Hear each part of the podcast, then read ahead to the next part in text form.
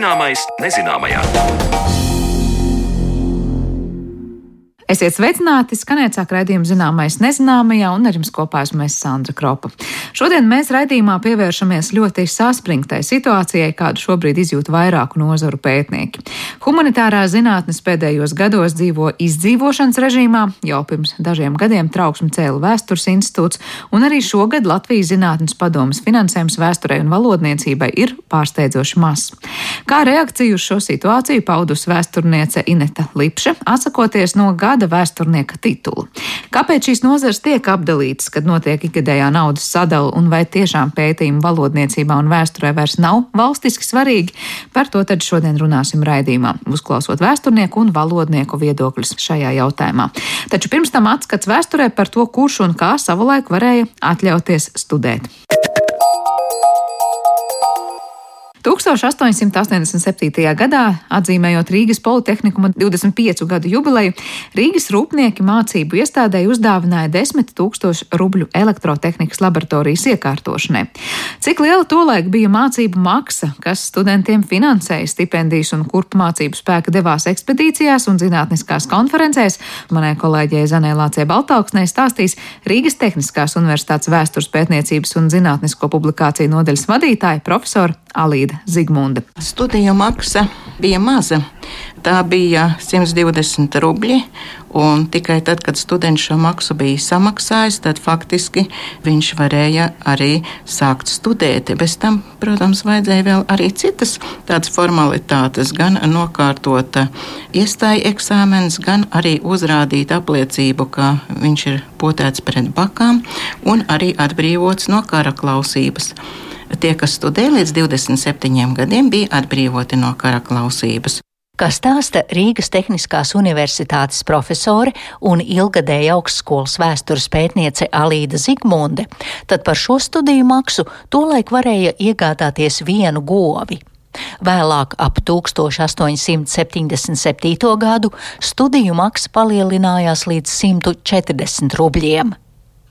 Rīgas Politehnikums durvis vēra 1862. gadā, un tā bija pirmā daudznazaru tehniskā augstskola tā laika Krievijas impērijā. Kā var lasīt Rīgas Tehniskās Universitātes interneta vietnē, tad šī skola tika veidota pēc tolaika Eiropas modernāko Cīrihes un Karlsruhes tehnisko augstskolu parauga. Darbojās kā privāta augstskola, kur uzturēja Baltijas mužniecība.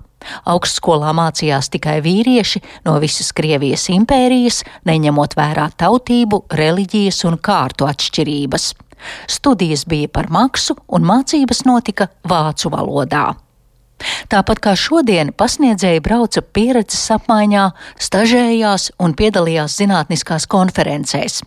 Reizums pašiem mācību spēkiem bija jāsadz ceļa izdevumi, bet nereti vien gan šos braucienus, gan arī studentu stipendijas finansēja Politehnikuma mecenāti. Šo te visu mēs varam atrast ikgadējās atskaitēs. Un, ja mēs gribam minēt tādus piemērus, tad, piemēram, pazīstamais geologs, profesors Karls Brunodos 1890. gadā devās uz Ziemeļvāciju un Skandināviju, lai pētītu ledus laikmeta krāvumus. Savukārt Bišovs un Glāzenaps uz Krieviju un Poliju iepazīties ar ķīmisko rūpniecību. Fuls uz Poliju pārņemt pieredzi tekstilu rūpniecībā. Nu, un atkal citi profesori, Pauls Valdens, Antropovs, vairāk kārt brauca zinātniskajos komandējumos stažēties, arī tāpēc, lai iepazītos ar laboratorijām, kā tās iekārtotas, un, protams, arī piedalītos starptautiskos kongresos, kuri bija nu, dažādās nozarēs, dažādās zinātņu nozarēs, mēs varam teikt, ka mūsu zinātnieki faktiski bija pasaules apritē. Bet bija arī tā, ka, piemēram, lai sagatavotos profesūrai, tomēr ir vajadzīgs kaut kāda zināšanas. Viens jau ir tas, ko mēs noskatāmies, kā strādā mūsu profesori, bet ir vajadzīgs vēl arī zināšanas, pieredzes apmaiņa un neapšaubām viss tas, ko mēs iegūstam arī ārzemēs, paskatāmies, kā strādājam citi, bagātina mūs. Nu, tā varētu minēt, ka 1912. gadā Tautas apgaismības ministrija uz Vāciju Heidelbergs un Tīpingens universitātēm sūtīja Rihardu Svinni Un viņš Heidelbergā, Vācijā, iepazinās ar jaunākajām idejām radioaktivitātes pētniecībā. Un faktiski tas arī bija tā ļoti uh, svarīgi, ka viņš tur varēja aizbraukt. Bija arī, protams, mācību grāmatu tulkojumi, bija arī tā, ka faktiski mūsu pašu jau tolaik 20. gadsimta sākumā Rīgas Politehniskais institūts, pirms tam Rīgas Politehnikums, faktiski ciešāk nekā jebkurš cits Krievijas impērijas zinātniski tehniskais centrs un augstskola neapšaubām tādi bija, bija saistīts ar Rietumu Eiropu. Un īpaši jau tā bija Vācija, jo, kā mēs atceramies, mācību valoda sākumā bija vācu valoda, arī profesori nāca no vāciski runājušām valstīm. Un faktiski institūts bija starpnieks Rietumu Eiropas inženieru zinātņu un tehnoloģijas ideju transmisijai uz Krieviju. Un vēl jāmin, piemēram, ka profesori Grēnbergs Fūls devās 1892. gadā uz starptautisko elektrības izstādi Vīnē. Ķīnē. Bez tam ne tikai Rietumē Eiropā, viņi devās arī uz tiem kongresiem, kas bija Krievijā. Nu, piemēram, Toms un Glāzenaps, abi profesori, 1890. gadā devās uz 8. Krievu dabazinātnieku un ārstu kongresu. Un tur neapšaubām atkal veidojās šie kontakti, kas palīdzēja ne tikai pašiem profesoriem vēlāk veidot zinātniskos kontaktus, bet noteikti arī veidot kontaktus viņu studentiem, jo nu, tad vienmēr jau var sazināties, toreiz droši vien ar vēstuļu palīdzību, ieteikt kādu savu studentu praksē, jeb arī darbam. Jūs pati pētot par Rīgas politehniku vēsturi, esat rakstījusi, ka Rīgas rūpnieki, kas darbojās tādā Rīgas tehniskajā biedrībā, ir uzdāvinājuši 10 tūkstošu rubļu apmērā elektrotehnikas laboratorijas iekārtas Rīgas politehnikumam. Vai jūs sīkāk esat izpētījis, kas tā bija par Rīgas tehnisko biedrību, kas, es saprotu, nu, arī sponsorēja gan augstskolas nu, iekārtas augstskolai, gan es nezinu, vai pasniedz sniedzēja algas vai studentiem stipendijas? Nē, nu, tik daudz jau nesponsorēja, taču Rīgas Tehniskā biedrība bija biedrība, kurā apvienojās mūsu inženieri, bet ne tikai, jo bija arī daži inženieri, kuri beiguši augstskolas citās pilsētās. Nu, faktiski viņi savā sēdēs apsprieda jaunāko zinātnē, Mūsdienās mēs par visu varam izlasīt uh, grāmatās, internetā. Tas viss ļoti ātri nonāk pie mums. Toreiz bija šie tādi priekšlasījumu vakari, kuros uzaicināja zinātniekus ar saviem atklājumiem, ar to, ko viņi bija redzējuši ārzemēs. Tā kā biedrībām vispār bija diezgan liela nozīme tā laika dzīvēm. Bet starp sponsoriem, kuri arī sponsorēja, lai studentiem būtu stipendijas, bija mužnieki. Piemēram, viena no pirmajām stipendijām 1866. gadā bija mužnieka Wolfas stipendija. Ir arī tā, ka, piemēram, bija Kerkovijas stipendija. Tas bija Rīgas pilsētas birģermeistars Kerkovijs, kura dēls bija gājis bojā, bija jauns, devies mūžībā, un tāpēc viņš par godu savam dēlam nodibināja stipendiju. Tā teikt, nu, ja mans dēls neizmanto, lai izmanto citi un lai vairojas Rīgas inženieru skaits. Jāatzīmē arī tas, ka, piemēram, Oto Millera stipendiju, Oto Millers bija vācu tautības, 1916. un 17. mācību gadā saņēma vēlākais Latvijas universitātes profesors, gana pazīstams ķīmenis Gustavs Vanaks, kurš toreiz studēja Rīgas Politehniskajā institūtā. Nu, vēl citas stipendijas iedibināja, piemēram, Krievu Baltijas vagonu būvs rūpnīcu, un, ja mēs te paskatāmies 1876. 77. gada Rīgas Politehnikuma atskaiti, tad mēs atskaitē arī redzam, ka šis fakts ir ierakstīts. Un, tā tad tur ir rakstīts, ka Krievu Baltijas vagonu rūpnīca ir iedevusi 3120 rubļus, un šī summa būs katru gadu, lai pabalstītu mūsu studentus. Arī firmas Helsink un Grīms, korporācija Fraternitas Boristēnija, alieja tirgotāja Bola atraitne. Un, ja paskatāmies mēs arhīvā, ne jau visas, piemēram, šī te Bola atraitne, es neatradu faktus, ka viņas dzimte būtu īpaši saistīta ar mūsu augstskolu, un faktiski arī augstskola bija savos pirmsākumos, un tā kā neviens no dzimtes it kā nebija studējis, bet šāda stipendija tika nodibināta. Bez tam Rīgas tirgotāji nodibināja fondu, no kur izmaksāja pensijas mūsu augstskolas mācību spēku atraitnēm un bāreņiem, jo nereti arī bija tā, ka nu, strādāja jau toreiz tikai vīrietis, un ja atraitnes palika vienas ar bērniem, tad bija ļoti grūti viņām iztikt. Tas pats faktiski attiecās arī uz mūsu augstskolas pirmo rektoru Ernstu Nauku. Tad, kad viņš 1875. gadā devās mūžībā, tad palika viņa atraitne, palika vēl arī um, bērni, kuri nebija pilngadīgi, un tad arī bija diezgan grūti, nu, kā tad viņi iztiks. Nu, atraitne aizbrauca pie saviem radiniekiem uz Vāciju, nu, kaut kā jau iztika, bet tad jau arī redzēja, ka šī problēma pastāv, jo faktiski mūsu profesora, lai kādi viņiem būtu tituli, Viņa jau nepelnīja lielu naudu, un tas bija vairāk tas darbs, ko mēs arī mūsdienās redzam, ka zinātnieks jau strādā savas idejas vārdā, strādā tāpēc, ka viņam šis darbs patīk. Redzam, ka tā laika uzņēmēji un mužnieki ir gana dāsni pabalstījuši Rīgas politehnikuma studējošos, taču līdz šīs augstskolas dibināšanai zinātnes loma tik atsaucīgi netika vērtēta. Kā 2002. gadā Latvijas vēstnesī rakstīja akadēmiķis Jānis Stradiņš, tad tirdznieciskās elites attieksme pret zinātni bija atturīga. Tā mainījās tikai 19. gadsimta vidū, kad dibinājās Rīgas politehnikums, tehniski orientēta augstskola, šoreiz gan patiešām ar ļoti aktīvu muižniecības, pilsētas vadības, biržas aprindu un komersantu atbalstu. Taču Vācu baltiešu sabiedrību galvenokārt tomēr interesēja jaunās politehniskās augstskolas darbības praktiskie aspekti, mazāk profesoru zinātniskās aktivitātes un pētnieciskais devums, pat ja tas bija starptautiski atzīts. Citāta beigas. Politehnikuma studenti, tāpat kā tagad, meklēja iespējas piepelnīties, strādāja tajā pašā augstskolā par asistentiem vai laborantiem, vai pasniedz privātstundas turīgo pilsoņu atvasēm.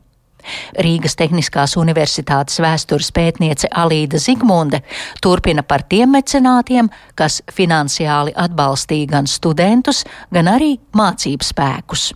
Tā piemēram 1901. gadā inženieru nodaļa pirmo reizi sāka izmantot tautas apgaismības ministrijas apstiprināto nolikumu par valsts stipendijātiem profesoru vietas aizņemšanai augstākajās mācību iestādēs.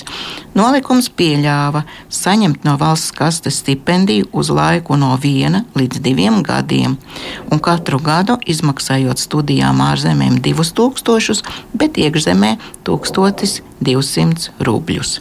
Stipendijāta uzdevums bija padziļināt zināšanas un veikt pētījumus savas specialitātes priekšmetos, kā arī iepazīt ražošanas procesus rūpnīcās vai fabrikās. Un, lai iegūtu pedagoģisko praksi, jo mēs jau pedagoģiju toreiz nemācījām, vajadzēja pašam domāt, kā mācīs. Stipendijātiem bez maksas divas līdz trīs stundas nedēļā bija jāpiedalās mācību procesā. Un pēc šī te termiņa beigām, kad beidzās stipendija, stipendijātam bija jāiesniedz atskaite un jāiztur zināšanu pārbaude. Vēl varētu minēt, bija tā diezgan slavena Rīgas cementa un eļļas fabrika Šmita, eh, un 1900. gadā viņi savā 25 gadu jubilejā izveidoja sava dibinātāja un komersanta Šmita stipendiju, kas bija 5000 rubļu. Un tai bija arī savi noteikumi. Tā kā ne visas stipendijas varēja iegūt visi studenti. Nu, piemēram, šeit Šmita stipendijai bija tāds noteikums, ka to varēja iegūt tie studenti, kas nāk no Rīgas vai Vidzemes guberņas. Tātad mēs varētu teikt, ka vietējie. No, savukārt, vēl viens no šīs fabrikas, tāda Konrāda Banza stipendija bija, tā kā bija tādiem studentiem, kas nāk no Maskavas un Maskavas guberņām. Nu, acīm redzot, šis dibinātājs bija saistīts ar Maskavu vai tur dzimis kaut kas tam līdzīgs. Nu, vēl arī tā, ka par godu Rīgas Politehniskā institūta direktoram Teodoram Grenbergam, kuram apritēja 55 gadi 1900. gadā, Ēmas Proste iedibināja stipendiju, ko varēja saņemt luterāņu ticības vācu izcelsmes rīdzinieki.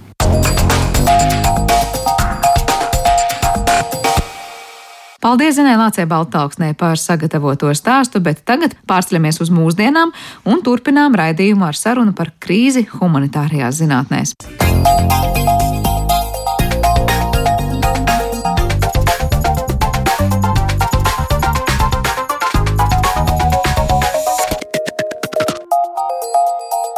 Zināmais nezināmajā. Latviešu valoda, vēsture, kultūra, tradīcijas - tās ir unikālas un šādā komplektācijā sastopamas tikai vienā vietā pasaulē, proti Latvijā. Ar to mēs dižojamies un lepojamies ikreiz, kad redzam sevi lielajā pasaules ainā, un tomēr, kad runa ir par zinātnes turpināšanos šajās jomās, vairs neesam tik naski. Par to norūpējušies ir gan vēsturnieki, gan filozofi, gan valodnieki Latvijā, un šis nav pirmais gads, kad par to tiek runāts arī skaļi. Turmākajās minūtēs par to tad runāsim arī vairāk ar mūsu viesņām raidījumu atlikušajā pusstundā, un tieši tāpēc studijā esam aicinājuši vēsturnieci Inetu Lipšu. Labdien! Labdien! Kā arī Latvijas Universitātes Latviešu valodas institūta direktoru un vadošo pētnieci Sandu Rapu. Labdien! Labdien! Uh, jā, nu, Inet, jūs tikko atteicāties no gada vēsturnieces balvas vai titulu, kā lai precīzāk to pasaku, kā protestu tam, kas šobrīd notiek vēstures zinātnē, sakot, ka mums ir vairāk tā kā es pārfrāzēšu vēstures komunikāciju, nevis vēstures zinātne. Uh, par to skaļi pēc tam arī sociālajos tīklos daudz apspriedām un daudz runājām. Mm, sāksim ar to, kas šobrīd ir tā galvenā problēma, jo liekas, arī mūsu raidījums kaut kādā mērā ir vainīgs, jo mēs aicinām vēsturniekus, liekas, mēs popularizējam, mēs komunicējam par vēsturi, tad sanāk, mēs tā kā esam nodarījuši vairāk slikta nekā laba, radot priekšstatu, ka pētījumi notiek, viss notiek, bet realitāte ir gaužām bēdīga. Pašā saknē, protams, ka nē, mēs priecājamies, ka vēsture tiek komunicēta un tas, ko mēs gribētu, ka vēsture, ka akadēmiskā izpēta tiek pacelta tādā pašā līmenī, ko tā būtu pelnījusi, kādā šobrīd atrodas vēstures komunikācija. Tā kā, tā kā paldies par to, ko jūs darāt, un paldies, ka nu, laiku pa laikam atgādinat arī to, kādā situācijā tad šobrīd atrodas zinātnieki. Bet e, šeit jau es gribētu teikt, ka e, šis te atteikšanās no šī e, nosaukuma lieliskā un paldies balsotājiem, protams, kas, kas novērtē to, to, kas ir izdarīts, eh, ka tas nav īpaši, tā situācija nav nekas jauns. Tā ir jau, es teiktu, 11 gadus jau vismaz kopš iepriekšējās ekonomiskās krīzes, 2008. gada krīzes, kad zinātnē nogrieza finansējumu, mēs jau vēl neesam atgriezušies pirmskrīzes līmenī. Un viss, viss pārējais, kā saka, ir sekas. Nu, ja tu gotiņu nebaro, tad gotiņu pienu nedod, tā vienkārši runājot. Bet es saprotu, ka arī valodniekiem ir līdzīgs skatījums, ka tas, kas notiek pētniecībā saistībā ar valodu un vēsturi, ir ļoti, ļoti līdzīgi. Tad viss humanitārās zinātnes no vienas puses mēs sakām, cik mums ļoti labi, ka mums ir pētnieki, ka mums ir aktivitātes šajā jomā. Mēs priecājamies, ka ir monogrāfijas un kaut kādas jaunas grāmatas izdotas, bet eh, patiesībā tā pētīšana tur ir diezgan apgrūtināta. Jā, Sanda? Jā, diemžēl tā ir. Un es esmu pateicīga Inetē, lai gan šeit pateicība ir lieka, jo tas ir diezgan briesmīgi, ja vēsturniekam, pētniekam ir jāatsakās no sava darba novērtējuma, lai pamanītu valstī. Bet valodniecībā ir līdzīga situācija, varbūt pat vēl kritiskāka situācija. Mēs gan cenšamies visu laiku klauvēt pie sabiedrības un atgādināt, jā, šeit ir valodnieki, kas pēta valodu, kas uh, mēģina saprast, kā mūsdienās lieto valodu mēģina sagatavot valodas kopumu nākamajām paudzēm, bet īstenībā valodniecības nozarē strādā tikai tīri entuziasti, jo algas ir apbrīnojami mazas, slodzes ir ārkārtīgi mazas, jo no projektiem vien mēs nespējam nodrošināt eh, normālas algas. Aptuveni minimālās algas līmenī ir pētnieku nodrošinājums, finansiālais nodrošinājums. Tāpēc tagad ir īstenībā pēdējais brīdis, kad mēs varam pateikt, eh, ka mums ir slikti un ka mums, ka mums vajag atbalstīt un vajag domāt valstiskā līmenī, kā attīstīt šīs nozars, ne tikai, ko jūs saucāt, valodniecību, literatūru zinātni un vēsturi un filozofiju, bet visus, visu, visu zinātni kopumā. Bet tomēr arī par to, kā paši zinātnieki nākot uz šo raidījumu mums bieži vien saka no ļoti dažādām jomām, ka tas, kā tiek pie šiem pētījumu programmu finansējumu, ir ļoti, ļoti nesaprotami un netaisnīgi attiecībā pret ļoti dažādām nozarēm. Es saprotu, ka parasti mēs esam dzirdējuši, ka tādā pabērnu lomā ir humanitārā zinātnes bijuši, tas laikam nav mainījies, bet arī, arī citā zinātnēs tiešām tiek runāts par to, ka tās izvērtējums ir nesaprotams. Ja jums tagad būtu jāieskicē tā lielākā problēma, izņemot to vārdu naudas nav, ko mēs dzirdam zinātnē jau tiešām no pirms krīzes laika, Kas ir tā vislielākā problēma? Vinet sākšu ar to vēstures pusi, vai tas ir konkrēts jautājumu lokus, kuram mēs tā kā gribam un negribam pieskarties, ka nav tā sajūta, ka valstiski ir sajūta svarīgi, ka mums ir jāpēta, nu tad viss kaut kas, kas tajā vēsturē ir noticis, nevis tikai izraujam kaut ko no konteksta, un tad, kad ir konkrēts projekts vai pētījums, kur ir tā lielākā problēma? es domāju, ka, un es esmu pārliecināta un pie tā stāvu un pie tā palikšu, ka tomēr tas cēlonis ir finansējums. Jo tieši finansējuma dēļ mums, piemēram, Latvijas vēstures institūtā pie Latvijas universitātes šobrīd eh, nav neviena viduslaiku vēstures pētnieka, šobrīd nenotiek pētījumi agro jauno laiku vēsturē, nenotiek pētījumi eh, arī visos pārējos periodos, un, un es te vienkārši uzsveru to eh, periodi, periodu, tāpēc, lai iezīmētu no cik plaši tas ir. Jo principā jau mēs, kā vēsturnieki un jebkurš humanitārais zinātnieks, mēs vairāk skatāmies kādu problēmu, kā tā laika gaitā, nu, teiksim, lielākā vai e, īsākā periodā ir attīstījusies. Un, e, un, un, un šis te e, vēsturnieku neesamība šajos te posmos, nu, kā reiz ir pilnīgi tieši, jo vienkārši, vienkārši nav naudas, ko maksāt, un nav arī teiksim, kas varētu būt eh, risinājums, ka būtu valsts pētījuma programma, eh, nu, konkrēti vēstures nozarei, piemēram, ko, kas ir mūsu ideāls, ko mēs gribētu. Un tajā pašā laikā mēs, protams, apzināmies, ka pagātnes, ka mēs jau esam zinātnē jau gājuši uz priekšu, ka mēs tā nedalām tos laukus, nu, tur tāds vecmodīgs dalījums, vēstures nozare, tur literatūra zinātne vai ne, ka mēs jau varam ņemt kaut kādu nogriezni pagātnē un skatīties ar dažādām pieejām, un tad mēs tur tur redzam gan socioloģiju, antropoloģiju, nu, klasisko vēsturi, ikdienas vēstures, dažādus aspektus. Ja. Teiksim, ka arī šis te šis dalījums ir tāds, nu, nu tāds, bet, nu, vārdu sakot, būtu jāizlemj, ka, ka, nu, ka arī vēsture, Latvijas vēsture ir eh, nacionālas, nozi, nacionālas nozīmes eh, nozare, jo tiešām, kā jau jūs pašā sākumā to teicāt, neviens cits to nepētīs.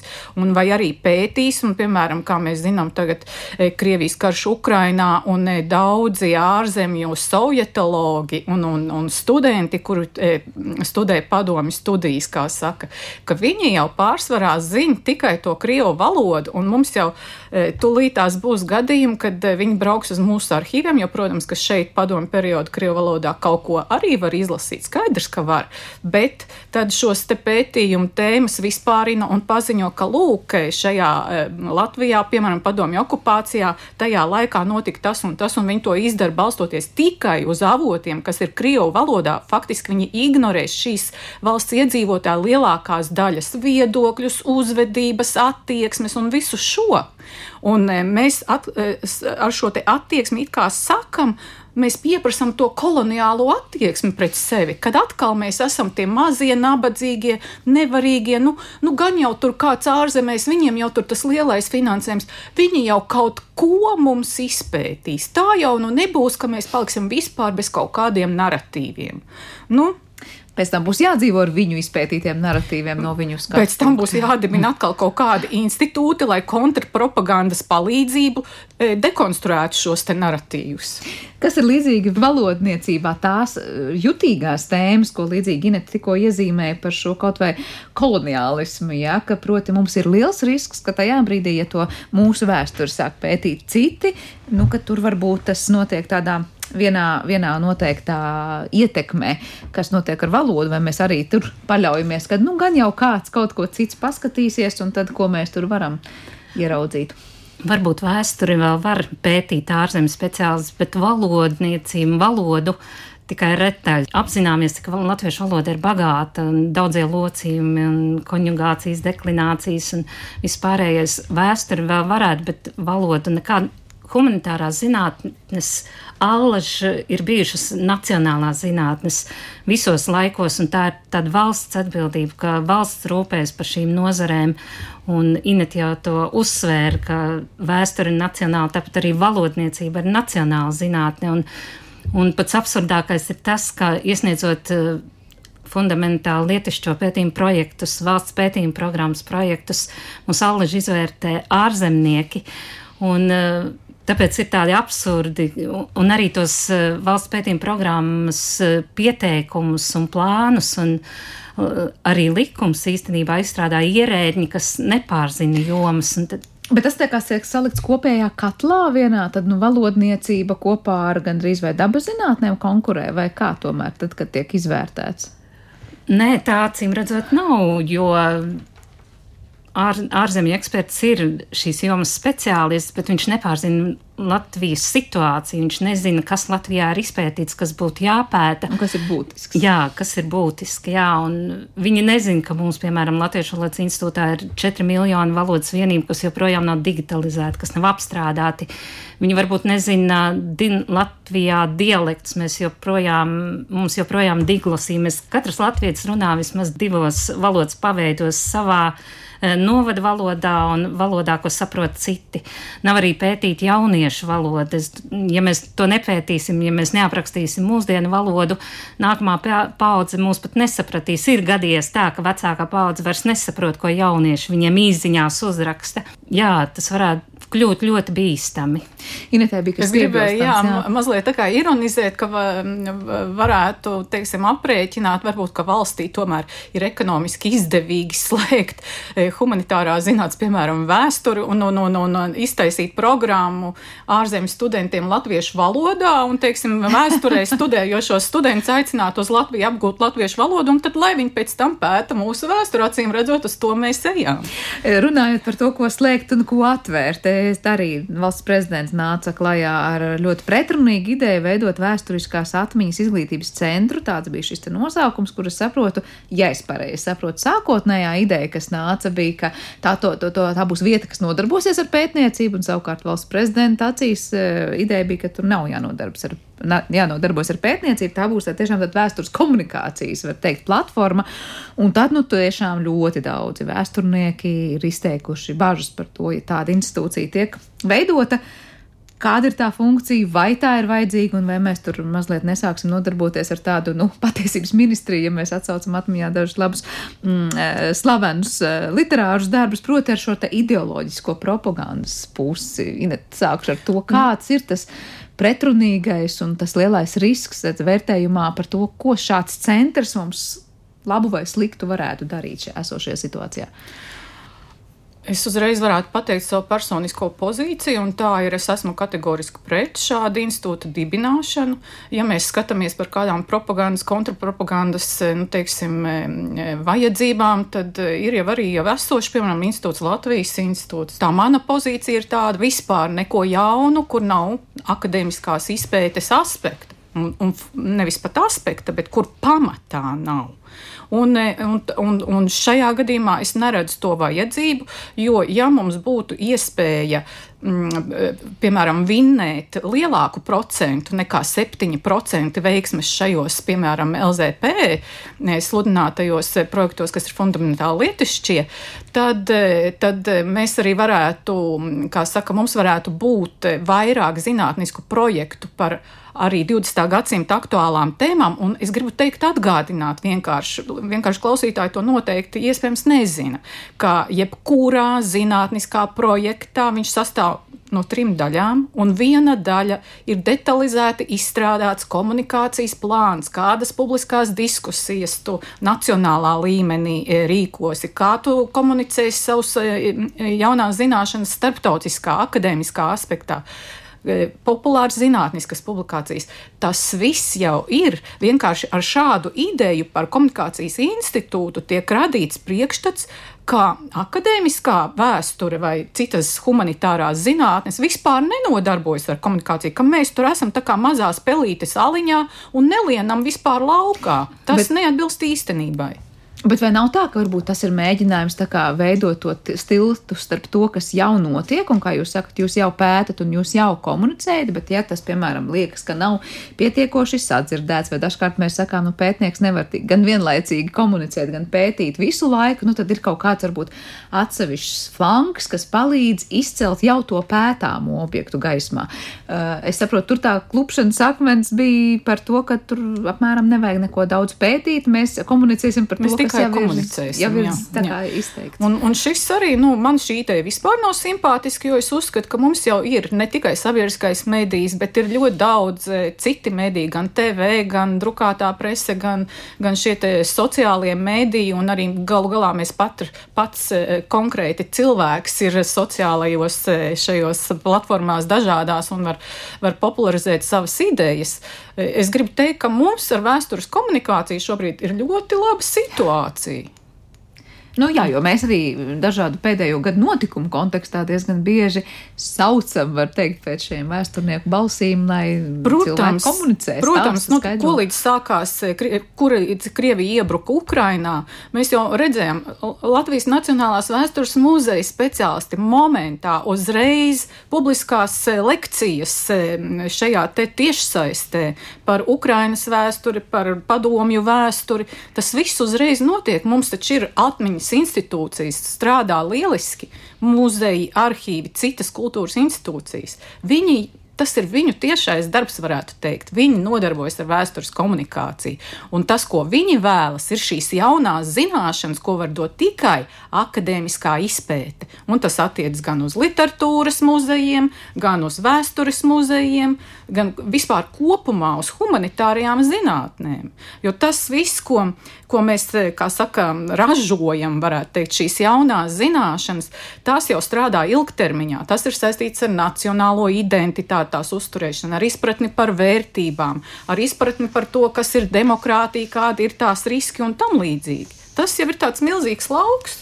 Ja, bet Sandē, laikam, bija kas piebilstams. Es vēl gribēju papildināt vienkārši ar papildus jautājumu, bet tad, kas ir tas, par ko šobrīd, tad, kad notiek tā komunikācija, vai te arī ir tā nu, bažas par to, ka tiek komunicēts par to, kas nav akadēmiski izpētīts, vai tie ir tādi seni pētījumi, uz kuru lauriem mēs joprojām dzīvojam. Proti, ja jau nav to pētījumu par ko stāstīt. Tas, kad mēs komunicējam par to vēsturi, vai tas ir tādas idejas, personīgi viedokļi, redzējumi, vēsturiskā atmiņa, ko mēs vienkārši atražojam šobrīd? Es teiktu, ka ir gan tā, gan tā, jo mēs taču zinām, ka vēsturi pēta ne tikai akadēmiskā zinātne, bet arī ir interesanti, kuri nu, nu, strādā nu, vienkārši dažādos biznesos savos, vai, nu, es nezinu, vienalga kādās dažādās profesijās. Viņi viņiem ir kaut kādas savas tēmas, kas viņus interesē, un viņi, mēs, mēs e, savulaik mēdzām to saukt par novadu pētniecību vai vēsturnieki amatieri, respektīvi cilvēki, kuri ir ieguldījuši nopietnu darbu, ieguld, ieguvuši nopietnas zināšanas, un pārsvarā es jau domāju, ka žurnālisti jau tieši tā strādā, ka jūs jau apzināt, jums jau zinām ir at, e, tie, tie cilvēki, kas dara kaut ko interesantu, un, un tas jau nav vienreizējs pasākums, viņi gadiem ilgi to dara. Un jautājums ir tāds, ka nu, viņi paši atrod vai nu pašvaldību pabalstu, vai sabiedrisko organizāciju pabalstu. Un liela daļa no šīs eh, vēstures eh, literatūras eh, ir, ir radījuši tieši šādā veidā, ka mēs varam teikt no apakšas, kur cilvēki parāda to pašu sevi interesi. Jo akadēmiskajā aspektā, kā jau es konstatēju, mēs konstatējām, ka mums pašlaik ir fokus tikai uz 20. gadsimtu šobrīd, bet tad mēs redzam šos brīnišķīgos avotu publikācijas, avotu edīcijas vai atmiņu grāmatas un tā tālāk, kas runā gan par 19. gadsimtu, gan 20. gadsimta sākumu, par tēmām, par kurām šobrīd akadēmiskā zinātnē pētījumi nenotiek. Viņus nefinansē. Tad var teikt, 20. gadsimtā vēl situācija ir laba, bet viss, kas ir uz atpakaļ, gadsimtu pa gadsimtam, tur ir pilnīgs tukšums. Nu, jā, es jau gan neteiktu, ka situācija ir laba. Viņa ir salīdzinoši laba ar to, ka citur ir nulles punkts, bet, piemēram, ja mēs, es vienu konkrētu piemēru, kas man salīdzinoši, nu, tā kā, nu, neteiksim, kas sāp, bet par kas man satrauc. Kā, piemēram, 20. gadsimta Latvijas vēstures šo fundamentālos ķieģeļu sējumus, ja, kas ir, teiksim, pa mūsu liecinās par šiem atjaunotās Latvijas paudzēm, kādu tad mēs esam spējuši uzrakstīt šo te narratīvu, kas būtu tāds detalizēts izklāsts, vai ne?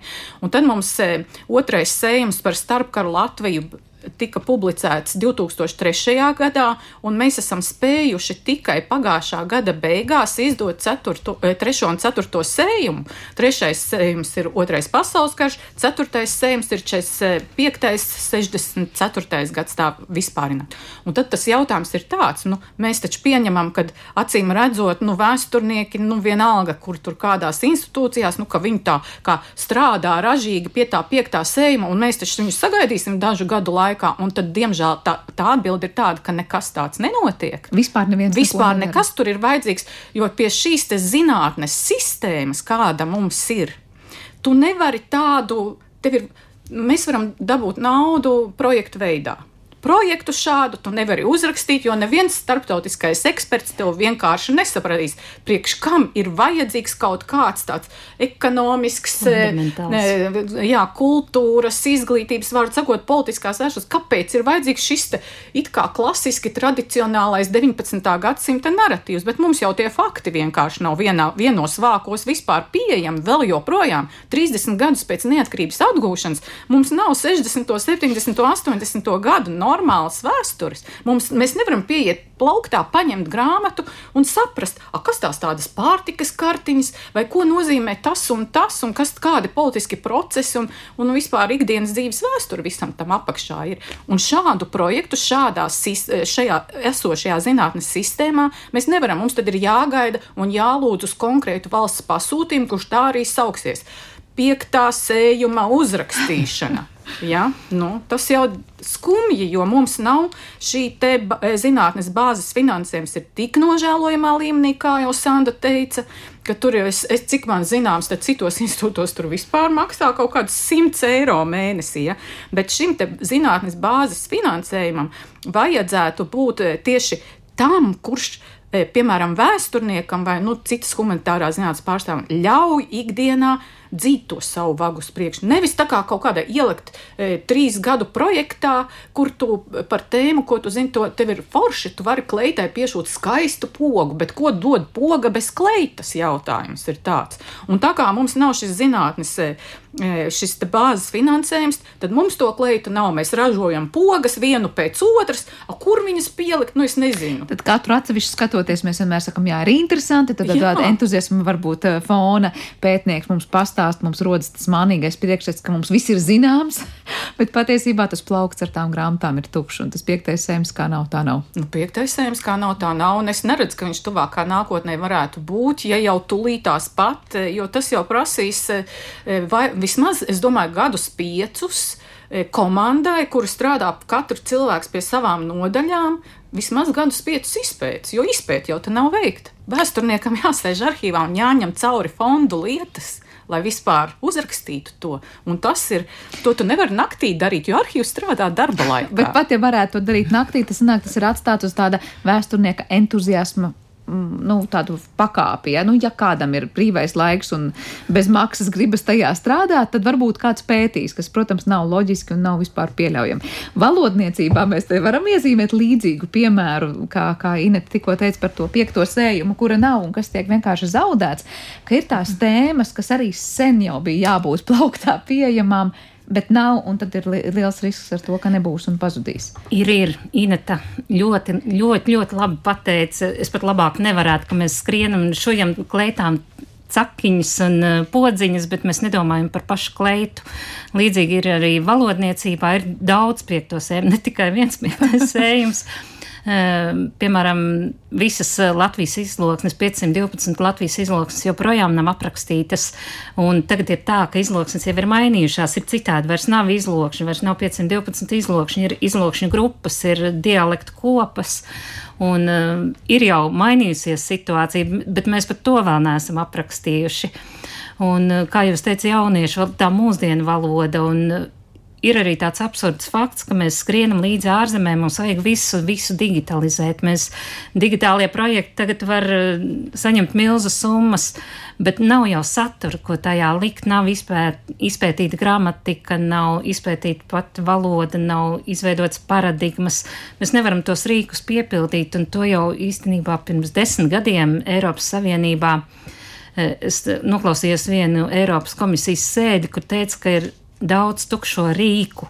Ir saradīts uh, tik daudz rīku, bet tie rīki praktiski nav lietojami. Vai arī tur ir sakopots, uh, šajos rīkos ir sakopots viss, kas ir internetā, bet tur jābūt tam sietiņam, kas izsījā, un tas sietiņš ir pētnieks, valodnieks, kas parāda ar pirkstu vai maz, mazliet normalizē šo procesu.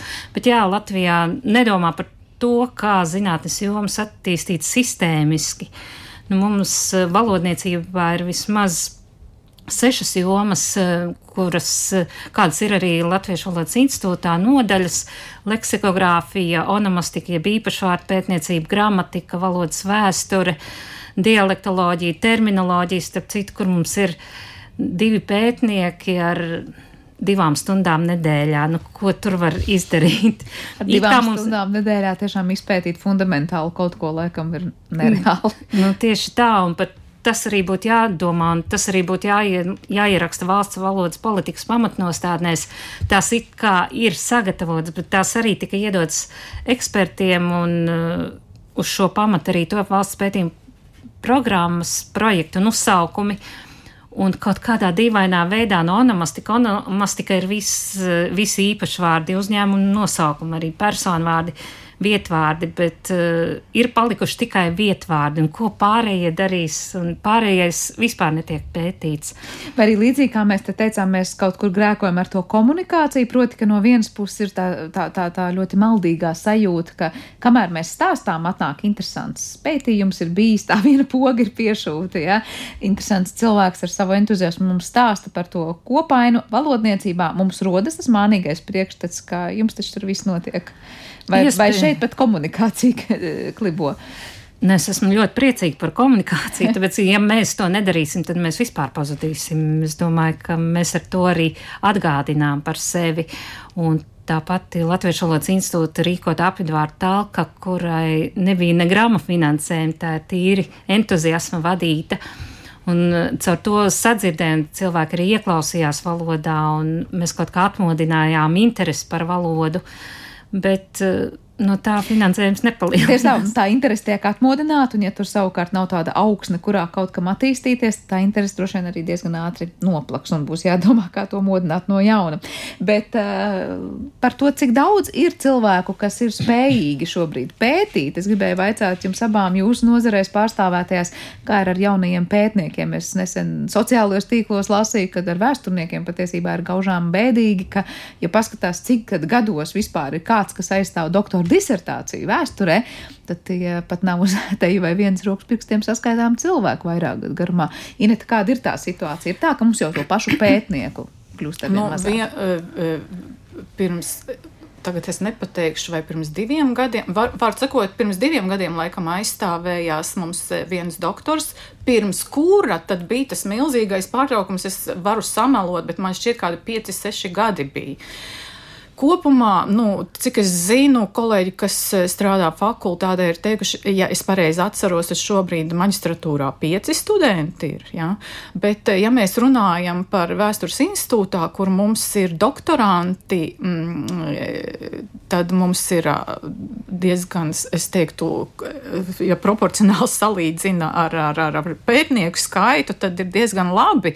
Mums ir šķiet pieci, seši doktoranti, un, un protams, ka visi visi viņi ir kā jau jaunībā un, un pirms disertācijas aizstāvēšanas, viņi ir entuziasma pārņemti, dedzīgi, aizrautīgi.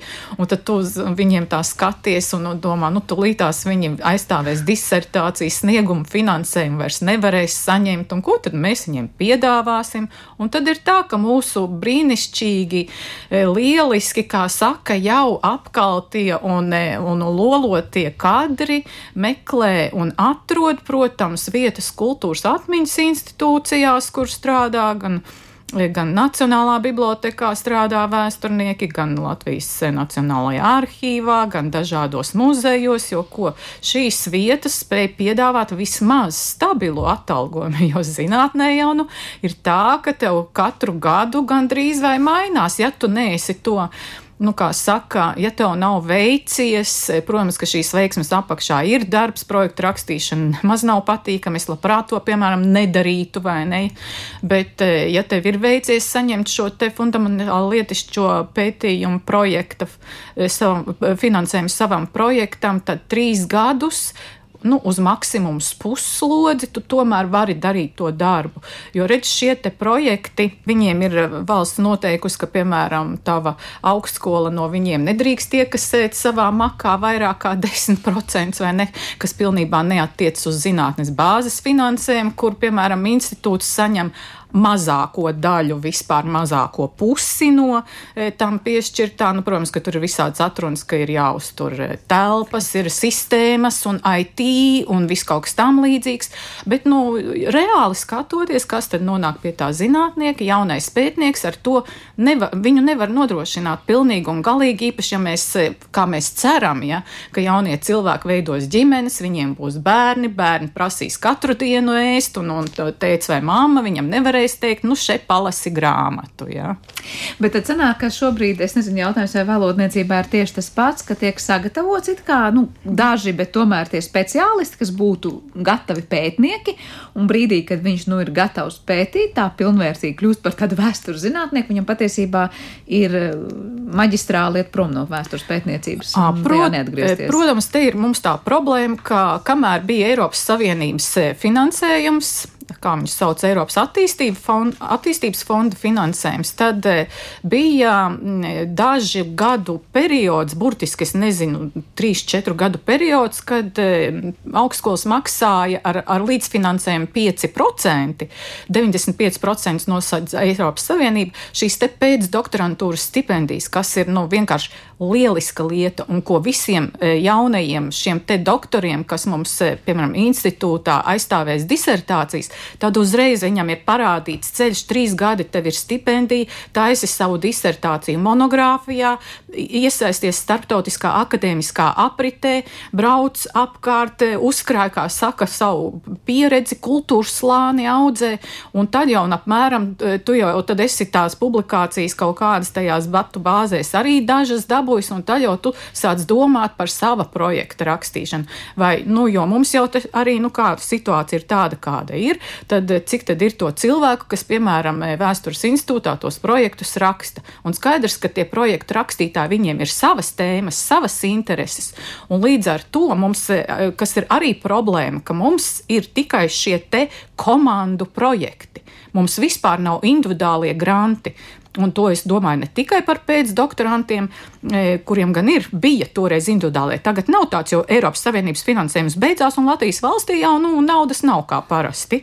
Un, e, bet, ja mēs runājam par šiem te valsts pētījumu programmu vai fundamentāli lietišķā e, pētījumu projektiem, tad e, tas, ko mums šobrīd piedāvā, mēs drīkstam tikai komandu projektus iesniegt. Bet tā kā mēs esam maz un mēs katrs faktiski strādājam pa savu tēmu, tad, e, nu, tad, tad nē, nu, var, protams, ka mēs varam, un mēs to arī darām, jo mēs varam strādāt starpdisciplināri. Mēs strādājam ar, kopā ar literatūras zinātniekiem, literatūras zinātnieki ar mums, tad tur antropologi, sociologi, bet e, kad vajadzētu šo te gradāciju piedāvāt ne tikai komandu projektus, bet pārsvarā tomēr šos individuālos grantus. Jo nu, mēs tik un tā, vēsturnieki tik un tā jau strādā individuāli. Nu, tad mēs, protams, e, e, darba semināros satiekamies un, un mēģinam tur e, ko, kopsavilkt. Bet, nu, tas ir mazliet tā. citādāk. Valodniekam arī būtu vairāk tas individuālais grants jāatver, vai kā tur ir vairāk tā komanda? Jā, bet nu jau tūlīt fundamentāli lietišķo pētījumu projektu jau tuvosies individuālajiem grantiem, jo rēķina 300 tūkstoši trijos gados tas ir praktiski viena vadošā pētnieka alga e, trijos gados. Tā, tur praktiski var e, finansēt tikai vienu vadošo pētnieku, un mums ir arī tā problēma, ka ir. E, es domāju, ka arī Vēstures institūtā, institūtā ir cilvēki, sadal, pētnieki sadalījušies pa vairākiem projektiem, jo vienā projektā var uh, kādas piecas stundas nedēļā. Varbūt, lai savāktu komandu, vajag, vajag daudz cilvēku, un jo vairāk cilvēku, jo mazāk naudas katram. Un līdz ar to sanāk tā, ka ir, ka ir pavisam, pavisam neliela daļiņa vienā projektā, tad otra kāja jāieliek ir otrā projektā, lai dabūtu lielāku slodzi, un tad vēl ar rokām un uh, galvu un vispārējo ir citos projektos, lai savāktu šo pilno slodzi, un tā sadrumstalotība arī neļauj pilnvērtīgi attīstīties un pilnvērtīgi pētīt, jo tev jāpārmetas no vienas tēmas uz otru un, un tā tālāk. Jā, jau klausoties vienlaikus, kur tur atliek laika pētījumam, ja tā sadrumstalotība ir tik milzīga. Es ļoti ceru, ka jūs tiksiet sadzirdēti vēl skaļāk un vēl plašāk, lai gan liekas nekas jauns un par to ir runāts, bet es domāju, Inete ar šo te soli arī ir paspērus gal, nu, tādu ļoti ievērojumu soli uz priekšu, lai sarosītos arī gan mēs mēdījos, gan arī daudz citi un iedziļinātos problēmas būtībā un cerams tās dzirdīgās ausis atrast pirms tiešām ir par vēlu, jo vēsturu valoda tās ir tiešām lietas, kas ir, nu, gaistošas, vai ne? Ja mēs nenotversim un to sējumu neuzrakstīsim, tad pēc simts gadiem jau to sējumu vairs tādu, kādu būtu jāuzraksta šobrīd, mēs, mēs nevarēsim panākt. Es vēl varētu piebilst, ka vēsture vispār pastāv tikai rakstīšanas un pārrakstīšanas procesā, jo, jo vēsture jau nav pagātne. Tās ir divas dažādas lietas. Vēsture ir tas, ko mēs varam uzzināt par pagātni, mums tur nav avotu, nav tas un šitas. Bet, eh, bet ja tā, tad mums pārtrauc šo iespēju rakstīt un pārrakstīt vēsturi, tad mēs varam teikt, ka mēs, kā mūsu e, politiķi, un mēs kaut kā kā līdzdalībnieki vienkārši pieliekam punktu Latvijas vēsturē, un kad tūlīt iestāsies Latvijas vēstures beigas, parafrāzējot Fukujamu. Ja? Jā, nu ļoti tāds pesimistisks varbūt nobeigums šim raidījumam, bet es ļoti ceru, ka tam būs kaut kāda iespēja tomēr izstūrēt pozitīvākos ūdeņos un atrast un tās dzirdīgās ausis un visas tās problēmas vismaz sākt risināt. Teikšu jums lielu paldies par šo sarunu un dzirdējām vēsturnieci Inetu Lipšu, kā arī Latvijas Universitātes Latviešu valodas institūta direktoru un vadošo pētnieci Sandu Rapu šodien mūsu raidījuma studijā. Ar to arī raidījums ir izskanējis un paldies par to producentē Paulai Gulbinskai, mūzikas redaktoram Girtam Bišam, Noram Itspapa bija skaņu režijā un es Sandra Kropa studijā. Uz tikšanos!